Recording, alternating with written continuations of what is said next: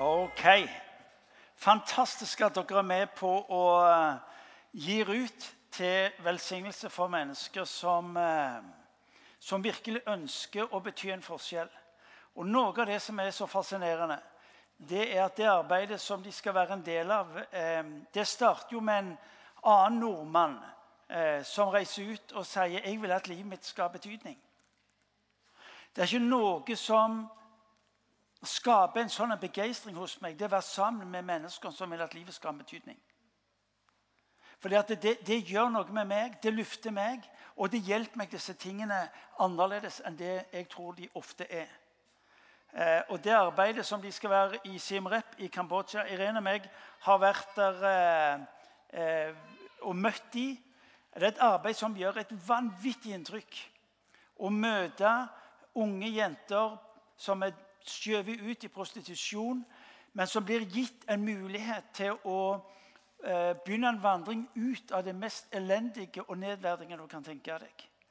Eh, så eh, det å få lov til på den ene siden å sende mennesker ut som er villige til å legge karriere og, og høye inntekter bak for å bety en forskjell. Men det å vite at når de kommer ut, så møter de mennesker som har ett ønske det betyr en forskjell i sitt land. Det er kult. Det er ikke slik at vi kommer ut, og så er det sånn, og så er det hemma og så er det hjelpeløst. Det er ikke det det er snakk om. Dette er mennesker som ønsker å stå opp, bety en forskjell. Men de trenger å få lov til å gå sammen med noen. Og det er akkurat det vi får lov til å gjøre der ute.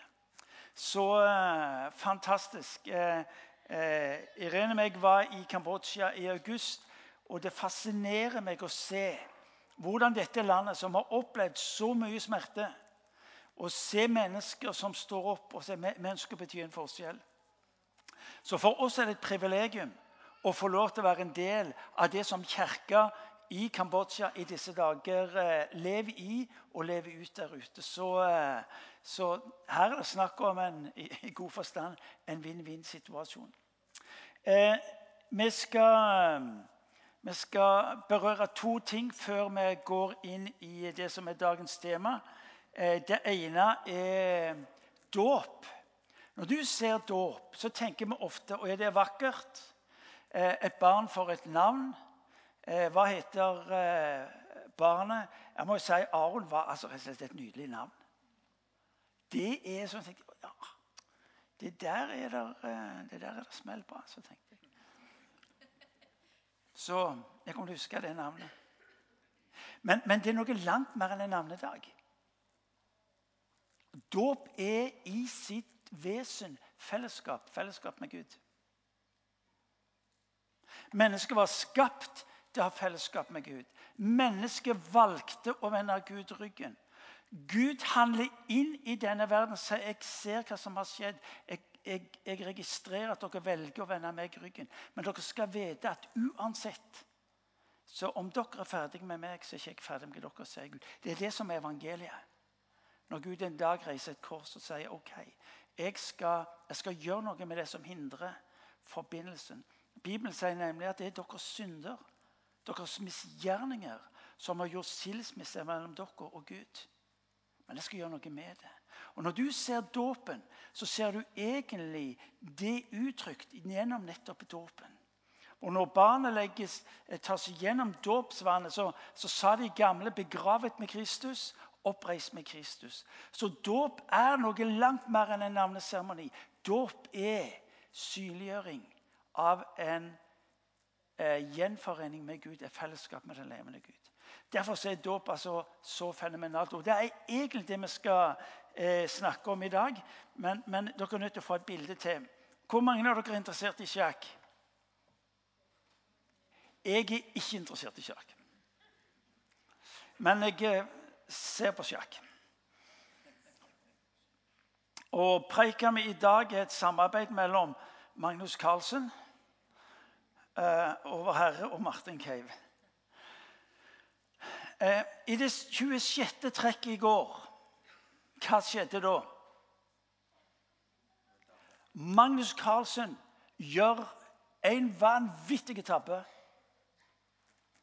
Og når jeg ser reaksjonen i studio på det Magnus Carlsen gjør, så er det panikkarta. Det er sjokk. Og det er sånn Hva skjer nå? Hvordan skal han møte det nå? Og alle er nå spente på hva gjør han Hva gjør motspilleren på trekket til Magnus Carlsen? Og så oppdager de til sin nye forferdelse det at motspilleren ikke oppdager hva Magnus Carlsen har gjort. Fordi at motspilleren er så opptatt med det han sjøl skal gjøre, at han ikke oppdager den gaven som egentlig Magnus Carlsen rekker han. For hadde han sett han, tatt han, så sa de, så hadde han vunnet. Med stor sannsynlighet.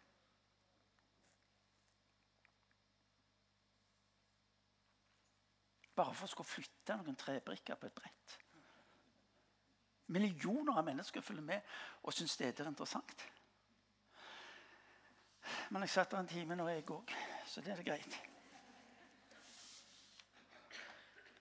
Har nå godt etter. Dette er egentlig deg og meg stadig vekk i livet vårt. Vi har planlagt. Vi har sett for oss våre trekk. Vi har sett for oss det vi skulle. Det er det jeg kan. Og så ser jeg ikke, jeg løfter ikke blikket mitt og ser hvilke dører som er åpna for meg. Jeg ser ikke hvilken vei som er rydda for meg. Jeg ser ikke hva Gud har for meg, fordi jeg er opptatt med mine egne planer og mine egne trekk. Og så oppdager jeg ikke den gavepakning som Gud har for meg. Jeg kommer aldri glemme det 26. trekket til Magnus Carlsen. Men det mest tragiske og jeg skal fortelle deg at Indieren som satt på andre siden av bordet, han kommer til å plage seg igjen og igjen og igjen med én ting og sa Hvorfor handla jeg ikke? Hvorfor venta jeg ikke med mitt eget lenge nok til at jeg så hvilken gavepakke som egentlig lå foran meg? Jeg har et ønske for oss som er her inne, til at vi skal løfte blikket litt høyere.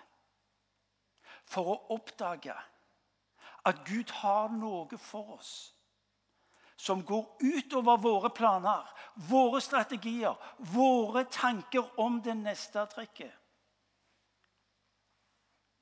Er du med? Dere andre som ikke er med, hvor dere henne? Dere tenker på sjakktrekket. La meg gi deg et eksempel. Når du tenker hjem hus. Hva tenker du på da? De fleste av oss vil si jo det er et sted å sove, spise, slappe av, trekke seg tilbake. My home is my castle, sier de på framandlandsk. Er det det det er, eller er hjemmet et sted hvor jeg kan forandre verden?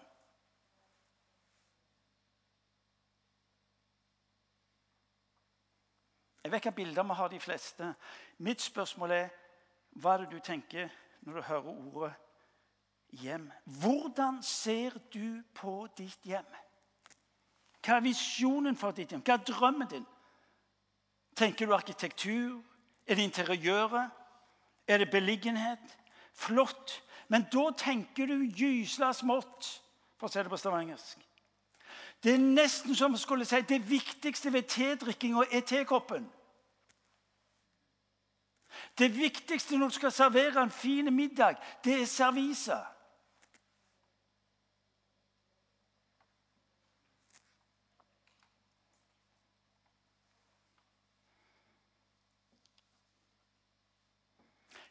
Er det sånn at hjemmet ditt sier egentlig hvem du er? Altså Hvis du tror at jeg nå skal snakke om interiør og tomt og beliggenhet, beliggenhet, beliggenhet, sier eiendomsmegleren, så er det ikke det. Men kan det være du tenker gysla smått? Hvis det er det du tenker, som jeg nå har nevnt. Sier hjemmet ditt, sier hjemmet ditt hvem du egentlig er? Vi har ulike typer hus. De dyre, enkle, rimelige. Stilfulle, smakfulle. Men hva er det egentlig som gjør inntrykk på folk når du kommer inn i et hjem? Ja, Du glemmer fort bildene. Du glemmer fort det såkalt fine og vakre. Hvordan var det? Nei, det var kaldt. Nei, det var, nei, det var greit nok, men, men det var greit nok. Nei, vet du hva? Jeg møtte en varme. Jeg møtte en aksept. Jeg, eh, jeg, jeg møtte eh, noe som, som var godt. Jeg møtte noe som var raust. Du kan bo i byens dyreste hus med det mest fantastiske interiør, med den mest fantastiske utsmykning som tenkes kan. Men folk kan gå fra det huset og si der var det kaldt. Der var det kaldt. Der var det ikke godt. Du kan komme inn i det mest simple, enkle you name it. Vet du hva? Fantastisk. Varmen. Godheten. Vet du hva? Her var det fred. Her var det nåde. Hva er det du tenker på når du tenker hjem? Hva drøm har du når du hører ordet hjem? Ikke hør nå, ikke reduser hjemmet ditt til et sted som består av bare ting. For mange av oss i disse dager i IMI utfordres vi på å bringe livet inn i våre hjem på en ny måte. Jeg holdt nesten på å si som Magnus Carlsen. Og hans motspiller i sitt spill. La meg få lov til å utfordre dere til å tenke nytt. Den gaven som Gud bringer oss, med å bringe livet inn i hjemmet på nytt. Et hjem er slik. Nei, et hjem er ikke slik. Et hjem er slik som du velger å gjøre det til. Og Jeg vil at du skal få tak i et perspektiv på ditt hjem som er langt annerledes enn det som egentlig særpreger mange av oss. Ikke reduser hjemmet ditt til noe bare for deg sjøl. Når Gud har tenkt det til å være et sted for tilbedelsen, et sted for helbredelsen, et sted for disippelgjøringen, La oss ta noen vers fra Lukas evangeliet, kapittel 10. Og du aner noe av hvordan Gud ser på ditt hjem. Og ikke fortsatt som en annen. Som var så opptatt med sine bilder, med sine trekk, at han ikke oppdaget gavepakken som Magnus Carlsen rekte han. Når dere kommer inn i et hus, sier Jesus til disiplene sine, Lukas evangeliet kapittel 10, vers 5. Når dere kommer inn i et hus, skal dere først si 'fred være med dette hjemmet'. Og både et fredens menneske, der skal freden deres hvile over ham. Hvis ikke skal de vende tilbake til dere selv. Bli boende der i huset, og spis og drikk det de byr dere.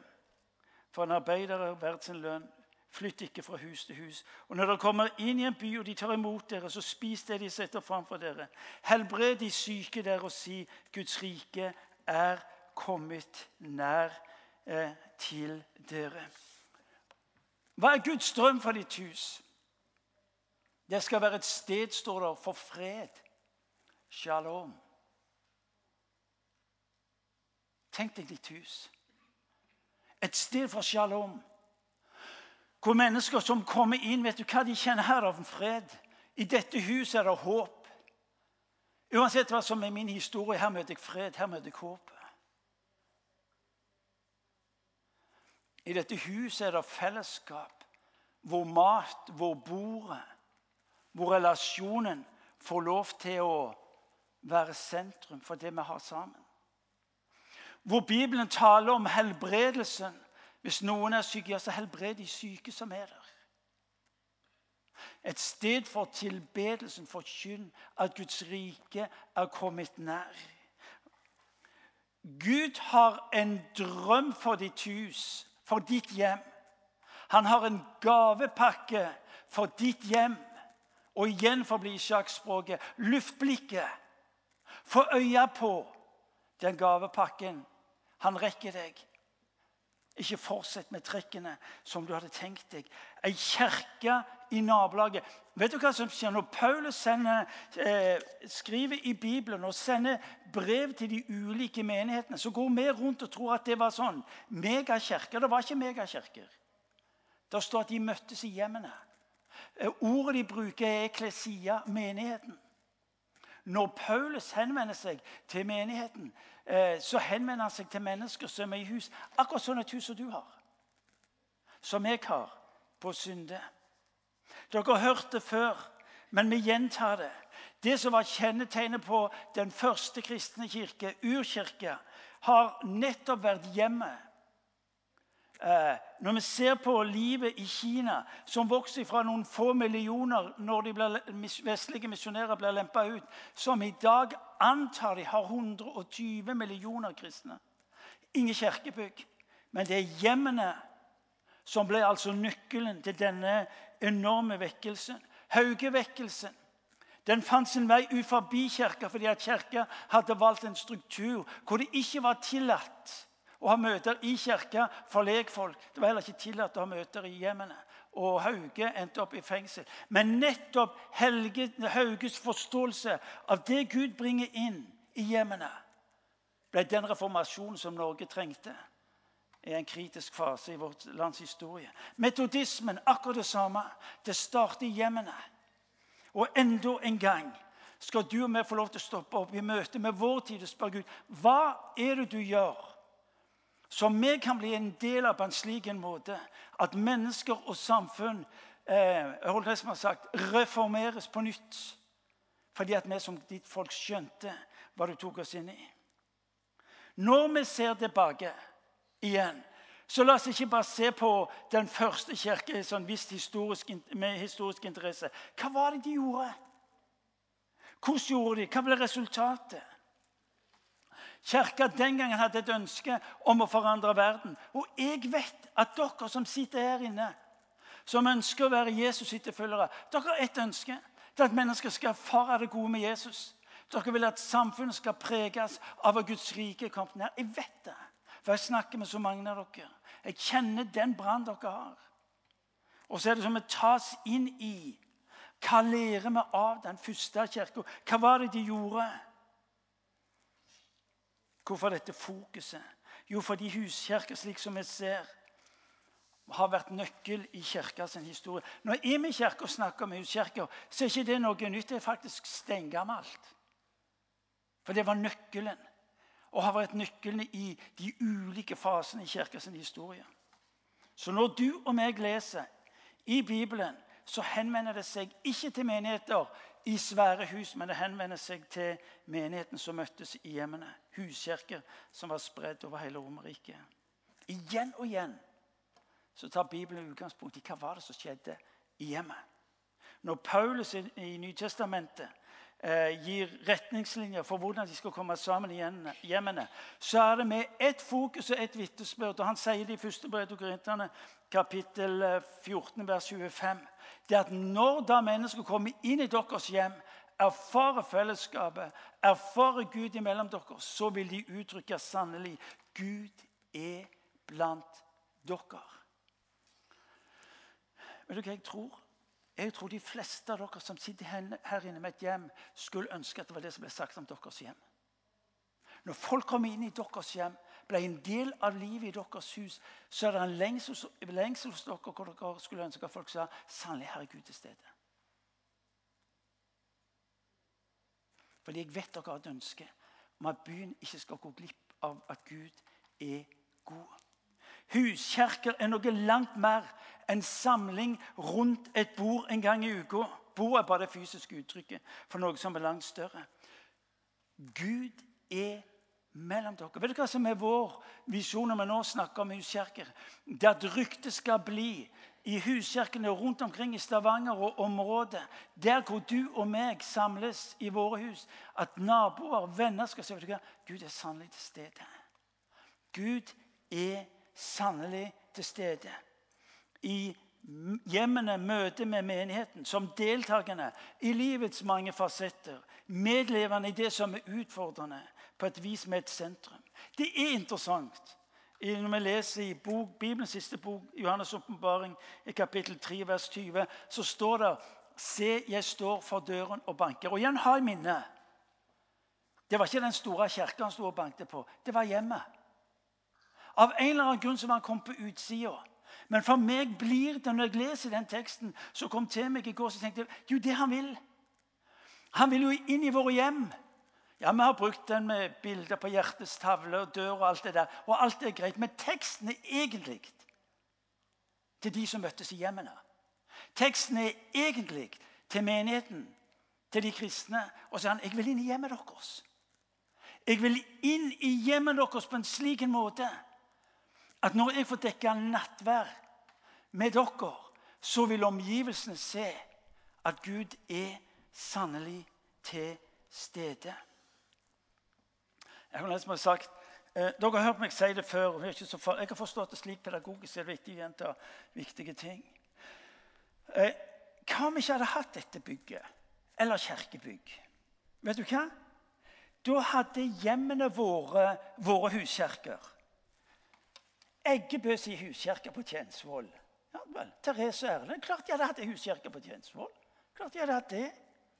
Øvergård. Samme det. Gjesteland sine på Madla. Fjærmestad sine. Haukås sine. Jo, vi møtes i Eggebø sin huskirke. Klart vi hadde gjort det. De har god plass. Ikke sant vel, Therese? Jo. Klart, altså, De der to at de vil ikke gå glipp av Guds nærvær til stede i sitt hus. Er du galen? Magnus Carlsen ga han en kjempegave. Han så det ikke og fortsatte og tapte. Jeg tror Gud tar oss inn i en ny måte å tenke på, som vi skjønner kan rekke oss. For å vinne det han har satt oss i. Hva med de store kirkene? Jo da, første kirka møttes i hjemmene og på tempelplassen. den store kirka. Det er nettopp den dynamikken som gir oss tror jeg, det denne verden trenger for å få øye på, på Kristus. Struktur det fremmer, eller så hemmer det livet. Kirka mister et strukturelt fundament, pleier jeg å si, da den flytta ut av hjemmet og inn i disse store bygningene. Urkirka holdt dette sammen med hjemmet og tempelet. Imi ønsker å vokse stort og lite samtidig. Eh, la meg gi et eksempel på det. Jeg var sammen med, med Anne og Sveinung i går kveld og var besøkt noen veldig gode venner. Lars Kristian og, og Rangfrid. De gikk i IMI for 100 år siden nesten. Flytta til Østlandet og er nå på besøk. og Vi var sammen i går kveld. og og så sier han til meg Martin, vi må feire nattvær. Ja, det er klart vi må feire nattvær. Så spiste vi nydelig mat. Og så feirte vi nattvær etterpå. Vet du hva? Det var magisk. Vi sier jo ikke det i kristelige sammenhenger. Men, men, det var den der opplevelsen. vet du hva? Det var jo sånn det var tenkt å være. Det var jo sånn det var tenkt å være. Han leste teksten, vet du, og sendte rundt brød og vinen. Og, så ba vi sammen. og så delte vi vitnesbyrd, og så opplevde vi at Gud talte til oss. Og så, og så sitter du der og så tenker du Sitter du ikke i kirken? Jo, du sitter i ei huskirke.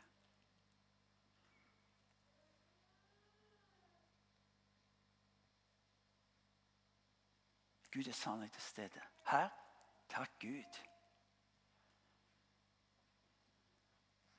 Men også i ditt hjem. Mitt hjem. For de fleste av oss vil dette som vi nå snakker om, som er på veien i, som en vil representere en åndelig fornyelse. Det å kunne få lov til å sitte der uke etter uke. Bor sammen med de andre, enten over kveldsmat eller middag, frokost eller hva det var. Nattmat eller hva det var. Så skal det representere en åndelig fornyelse. Fordi at troen kommer meg nærmere. Den omfatter flere sider. Og så representerer den en vel av muligheter. Se hvor høyt de elsker hverandre. Fikk de øye på det? Jeg tror det var hjemmene. Omgivelsene fikk se inn i hjemmene. Og så fikk de øye på en kjærlighet.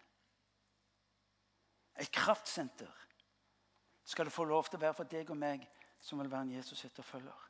Et lys i nabolaget. Et sted for håp, et sted for fred. Ditt hjem blir et åndelig kraftsenter i ditt nabolag. Tenk på det!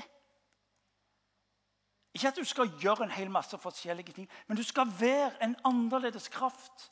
Og du er det i og med at du bor der. Ofte så sier vi at vi får ikke naboene med til i kirka. Men du kan være bombesikker på at de kommer hjem til deg hvis du inviterer dem på kaffe. Har du tenkt på det? Gjør det. Kaffekoppen, barnepasset, drøs over gjerdet. Huskirker i nabolaget. Hjem som forandrer verden. Vet du hva Jeg vil gi deg bilder. Vil du se på hjemmet ditt som det som forandrer verden? For det var nemlig det som skjedde de første 300 åra av kirka sitt liv. Ingen prester. Ingen svære gudshus. Men hjem som forandrer verden. My home is my castle, sier engelskmannen. No, langt ifra. My home is my church. Den har jeg funnet på helt av meg sjøl. My home is my church. Kult. Når du kommer hjem i dag etter gudstjenesten, skal, skal du gå fra rom til rom og si Wow, kirke. Fantastisk. Visste du det at de kristne eh, i urkirka de, de, de fikk lagd et kors på inngangsdør, over inngangsdøra? Du må finne deg en eller annen sted eller laste ned på nettet og bestille sånn. Et eller annet som forteller vet du hva, dette hjemmet mitt er altså noe langt mer et sted hvor jeg skal koble av, spise, sove, se på TV og stenge folk ute. Kjøp deg noe som uttrykker It is a church. Så begynner jeg å slutte. Hvordan skal dette skje? Du går ikke klar det. Ja, alle, nei, alle trenger ikke med en gang. Du kan få lov til å ta det tempelet du trenger. Men evangeliet om Jesus Kristus er altfor viktig til at i hovedsak er lukka inn i dette huset og ved deres liv, der dere lever der ute. For det vet jeg mange av dere gjør. Men vi tror at hvis vi henter opp igjen urkirkas praksis, så er det en kraft fordi vi kommer nær folket. Som ikke har sagt nei til Jesus. De lurer bare på hvordan han ser ut. Hvordan? Jo da, vi trenger hus. Mange hus. Vi trenger folk som vi kan få lov til å velge ut og gi trening til å lede disse huskirkene. Eller kanskje du sier jeg vil gjerne det flott, og så vil vi sørge for at du får den trening og den hjelpen du trenger. Det er åpent for alle medlemmer, medlemmer i min kirke og alle som ønsker å følge Jesus. Vi ønsker å hjelpe hverandre. Hvorfor? Til å leve ut et nytestamentlig liv. Og vi vil gi disse ulike huskirkene en enkel måte, en enkel tips om hvordan dette kan fungere. Slik at vi kjenner hva? Dette er jo gøy. Dette er jo kjekt. Dette er jo noe jeg skal få lov til å se fram til eh, i tida som ligger foran meg. Jeg skal altså få lov til å leve ut fra hjemmet som kilde og gi ut livet i hverdagen.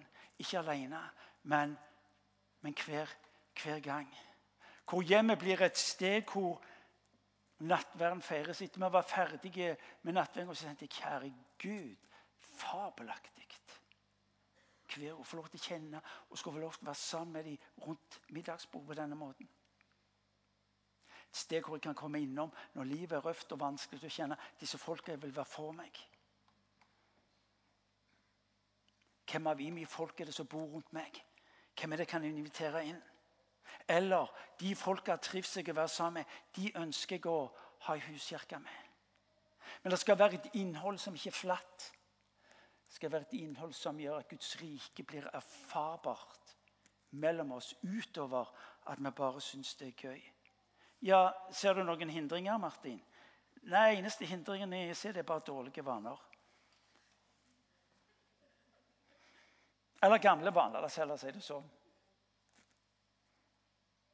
Vanene som sier men det er sånn jeg er vant med å gjøre, og det er sånn jeg har tenkt å gjøre i mitt neste trekk.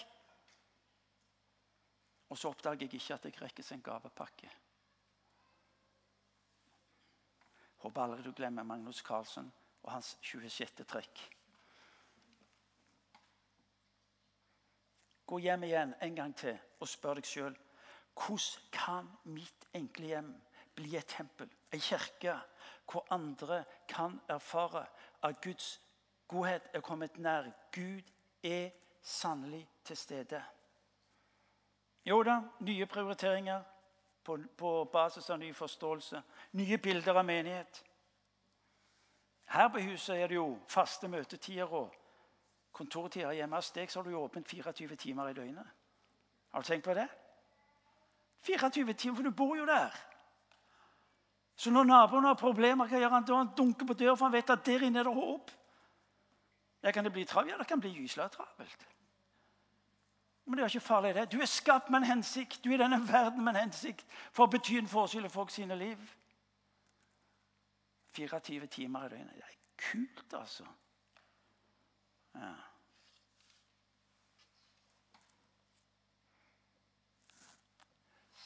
Jeg er overbevist om en ting. Vet du hva det er? For det jeg kjenner i meg folket. Dere andre kan ikke uttale meg. Men jeg kjenner i meg folket. Det er at dere ønsker å bety en forskjell i folk sine liv. Jeg vet dere ønsker at mennesker skal erfare at Gud er god. Og jeg vet at dere er villige til å gå ganske langt for å se det virkelig gjort. Og allikevel så ender vi veldig, of, veldig, ofte opp med å si ja, men hva kan jeg gjøre? Du skal få den siste beretningen, en, en, en hendelse som fyller meg, og som stadig vekk blir en påminnelse. Det er fra 2. kongebok kapittel 4. Det er ei enke. Hun har to sønner. Og nå holder hun på å miste de to sønnene fordi at hun ikke har penger. Og Så spør profeten henne hva har du i huset ditt. Og dama sier jeg har bare ei flaske med olje. Du og meg er eksperter på det vi ikke har. Du og meg er eksperter på det som godt kunne vært bedre. Du og meg er eksperter på alt det vi mangler. Vi er eksperter på det vi ikke har. Og Når du nå hører utfordringen om å la hjemmet få lov til å bli en åndelig kraftstasjon, så begynner du med en gang med regnestykket. Og det regnestykket kjenner ja, Flott, for det kan jeg, og det har jeg, og det. Og så yes, jeg er klar. De fleste begynner med regnestykket. Og så er det sånn ja, Har jeg tid, eller kan jeg, eller kan ikke så mye? Og så, og så sier han, hva har du i huset ditt? Og så sier, sier hun din tjenestekvinne, din tjenestekvinne har ikke annet i huset enn en liten krukke med olje. Og så sier han Gå ut til alle naboene dine og hente en kar som jeg kan følge opp. Du vil forbli å ha lite hvis du blir værende der du er. Du vil forbli å ha akkurat det du trenger hvis du blir værende der du er. Men hvis du nå oppdager at det er Guds gavepakke som rekkes deg ved at du forstår hva hjemmet ditt kan være, så vinner du spillet. For å sitere Magnus Carlsen. Men det har noe med at du vil våge å begynne å helle av oljekrukka. Av det Gud har gitt deg, det du sier lite, inn i andre menneskers liv. Og du vil oppdage at det blir aldri tomt. Du vil oppdage at ditt liv forvandles, du vil oppdage at ditt liv fornyes. Du vil oppdage at de menneskene rundt deg som blir en del av huskirken, at de skje det en forvandling med. Og enda viktigere, for når olja begynner å flyte mellom dere, vil den også begynne å flyte ut, og omgivelsen begynner å spørre hva er dette for noe. Og så vil betjenelsen det har noe med Gud å gjøre. Det er det du inviteres til når Imi kirke snakker om huskirker. Et åndelig kraftsenter som forvandler våre liv og omgivelsene. Ikke vær så opptatt med de planene du hadde, de grepene du skulle ta, men våg å se de nye bildene Gud gir deg, og du er med på å forandre denne verden. La oss reise oss og be.